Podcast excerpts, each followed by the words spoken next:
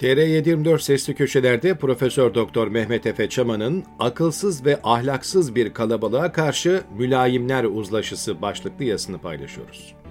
Sokak röportajında AKP sonrası ne güzel özgürce doktor dövebildiklerini söyleyen kadın profilini karikatürize etmeyin. Toplumun bir kesiminin tomografisidir. İnsanoğlu gördüğü, gözlemlediği, yaşadığı, tanık olduğu olayları ve olguları rasyonel bir biçimde anlamlandırmaya çalışır. Bu nedenle Aristo insan için düşünen hayvan tanımını uygun bulur.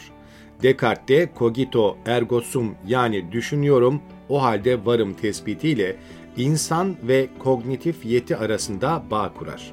İnsanın düşünebilmesi yani bunun açılımı olarak rasyonel davranması nomotetik sosyal bilimlere temel oluşturur. Eğer insanlar rasyonel olmasalardı sosyal bilim disiplinleri de olmazdı. Çünkü rastlantısal ve gelişi güzel hareket eden insanların yaşadığı bir toplum veya toplulukta düzenli ve anlaşılabilir bir örüntü tespiti imkansız olurdu. Yine aynı şekilde davranışları herhangi bir normatif değere dayanmayan gruplar hakkında da öngörülerde bulunmak imkansızdır. Normatif değerler etik olgusuna temel oluşturur. Stabil ahlaki normlara sahip olmayan topluluklarda da ciddi çöküşler kaçınılmazdır. Elbette apış arasında indirgenen ataerkil sözde ahlaktan bahsetmediğim açık olsa gerektir. Gerçek ahlakın temelini kendinize yapılmasını istemediğiniz bir şeyi başkasına yapmamak ilkesi oluşturur. Koca bir ahlaki normlar silsilesini bu basit ama temel önermenin üzerine inşa edebilirsiniz.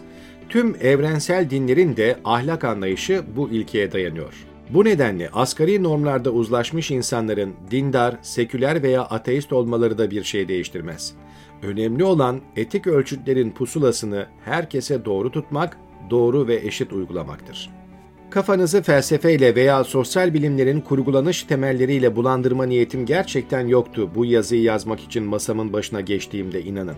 Fakat yukarıda değindiğim sosyolojik tomografi sandığınızdan çok daha fazla ilintilidir içinde bulunulan seçim süreciyle. Daha doğrusu Türkiye'nin raydan çıkması veya rotasını yitirmesi, salt yanlış bir takım politik kararlarla, satılmış siyasetçilerle, çapsızlıkla veya eğitimsizlikle ilgili değildir toplumda belli bir oranda temsil edilen çok ciddi bir rasyonelite sorunsalı, içinde bulunduğumuz Türkiye vakasının temel izahı olmak durumunda. Bu ciddi bir patoloji ve bunu ihmal eden hiçbir analizin ayakları yere basamaz. Erdoğan'ı tanrılarıyla eş görüyorlar ve kendilerini buna karşın ana kimlik bağlamında Müslüman olarak tanımlıyorlar. Seçimlere giren Erdoğan alternatifi siyasetçileri Türkiye'de yaşanan bir takım sorunların karar alıcı sorumlusu zannediyorlar. Dünyadaki gelişmiş refah toplumlarının Türkiye'yi kıskandığına inanıyorlar. Avrupa'da süpermarketlerin raflarının boş olduğunu söylüyorlar. Karşılarına çıkan kim olursa olsun söylediklerine değil, kim olduğuna göre değerlendirmede bulunuyorlar. Sürekli hata veren bilgisayar gibiler. Sanki programlarına bir bilgisayar virüsü girmiş ve tüm mantık silsilesini alt üst ederek programı mahvetmiş.''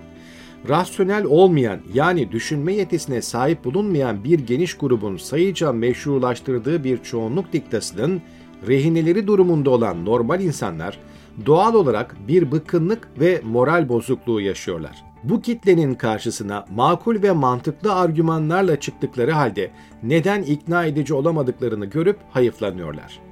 Ekonomik çöküntüye Dünya Basın Özgürlüğü Endeksinde 180 ülke arasında 165. olma durumuna, korkunç insan hakları karnesine, hapishanelerinin düşünce suçlularıyla dolu olma durumuna falan bakıp ülkenin hak ettiği yerin bu olmadığını söyleyen insanların karşısında Cumhurbaşkanını soğana ve patatese kurban etmeyin diyen bir mantaliteyle mücadele etmek olanaklı mıdır?'' Twitter'a düşen bir fotoğrafta Tayyip Erdoğan'ın oğlu Bilal bir teknede kuzu çevirirken görülüyor. Bunda şaşılacak bir şey yok diyebilirsiniz belki. Fakat çevirdikleri kuzu değil, domuz. Normalde insanların yediklerine içtiklerine hiç karışmam, bana ne? Ama karşınızda yıllardır insanların yaşam biçimlerine göre siyasi ayar veren bir zihniyet var. Bu zihniyet insanları Müslümanlar ve Müslüman olmayanlar ya da dindarlar ve dinsizler şeklinde kutuplaştırmış. Bu kutuplaşmadan siyasi rant devşirmiş. Bu en Müslüman İslamcı çetenin domuz çevirme yapması elbette geçiştirilecek bir mesele değil bu nedenle. İnsanların içtiklerine, yediklerine, aile yapılarına, değerlerine, etnik kökenlerine, kıyafetlerine ve bilimum başka özel tercihine saygı göstermeyenler karşınızda domuz ızgara yaparken sırıtıyor. Bunun ortaya çıktığı günün birkaç gün öncesinde dahi Bilal'in babası insanları dinsizler falan diye itham ediyordu. Şimdi bu yaşanan tezat da tıpkı bakara makara diyen rüşvet zanlısı eski bakan Egemen Bağış'ın büyükelçilikle ödüllendirilmesi gibi sırıtacak. Geçtiğimiz günlerde Bekir Bozdağ seçim sonucunu şampanya patlatarak kutlayacaklar demişti muhalifler için. Bunların karşısında domuz kızartan çakma halife oğlu dahi Bilal fotoğrafı var şimdi. Zannediyor musunuz ki AKP veya MHP seçmeni şimdi hipnozdan çıkacaklar? Düşünme yetisini kaybetmiş bir kitlenin Erdoğan'a oy verirkenki motifleri ne olabilir? Yani evet nakit ödemelerle veya avantalarla kendilerine bağladıkları parazitlerin motiflerini anlamak kolay. Ya ezilen kitleler, evine et girmeyen, çocuklarını iyi besleyemeyen, birikimsiz, eğitimsiz, işsiz ya da boğaz tokluğuna çalışan geniş yoksul kesimlerin Erdoğan'ı seçmelerini nasıl okumalıyız? Erdoğan giderse devletin çökeceğini düşünen insanlara devletin zaten çökmüş olduğunu nasıl anlatmalı? Birine bir şey anlatabilmeniz için o kişide mantık yürütebilme kabiliyeti gerekir. Kişi eğitimsiz bile olsa mantık yürütme kabiliyeti sayesinde noktaları birleştirebilir veya yapbozun eksik parçalarına karşın resmin ne olduğunu anlayabilir. Ancak görünen o ki çok garabet bir durumla karşı karşıyayız. Rasyonel düşünme yetisinin yanında ahlaki pusulanın şaşmış olması da benzer kalibredeki diğer bir arızadır. Doğru veya yanlışa dair tüm algıları şaşmış, partizanlaşmanın etkisiyle ahlaki ölçütlerini kendinden olmayana layık görmeyen, ötekileştirdiklerinin kolektif zulme uğratılmasından sadistçe zevk alan ve bu davranışlarından zerre kadar utanmayan kitle de en az düşünemeyenler kadar ciddi bir soruna işaret ediyor. Bunlar garabeti görmelerine karşın garabet yokmuş gibi yapanlar akılsızlarla ahlaksızlar birleşmişler, Erdoğan da Erdoğan diye tempo tutuyorlar. Türkiye bu iki grubun arasında kalmış durumdadır.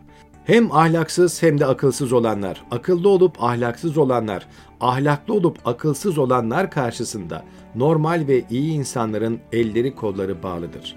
Çoğunluk diktasını meşrulaştıran bu çöp kitledir. Bu berbat denklemi sonlandırmanın tek yolu vardır. O da iyilerin konsensüsü. Maksimalist olmadan temel ilkeler üzerinde uzlaşarak kötüye karşı birleşmek. Bunu yapan görece daha az kötü bile olsa aklın ve normatif olarak iyinin tercihi önce en kötünün bitirilmesi olmalı. Daha az kötünün biraz daha iyi olduğu unutulmamalı. Akılsızlardan ve ahlaksızlardan kurtularak iyiyi maksimize etmeye çalışmak yegane alternatif. İğneyle kuyu kazmak zaman alır. Kimse yapılacak olanın kolay olduğunu söylemiyor. Mülayimler uzlaşısı dışında bir alternatif bulunmuyor. Aynı gemideysen beraber kürek çekeceksin.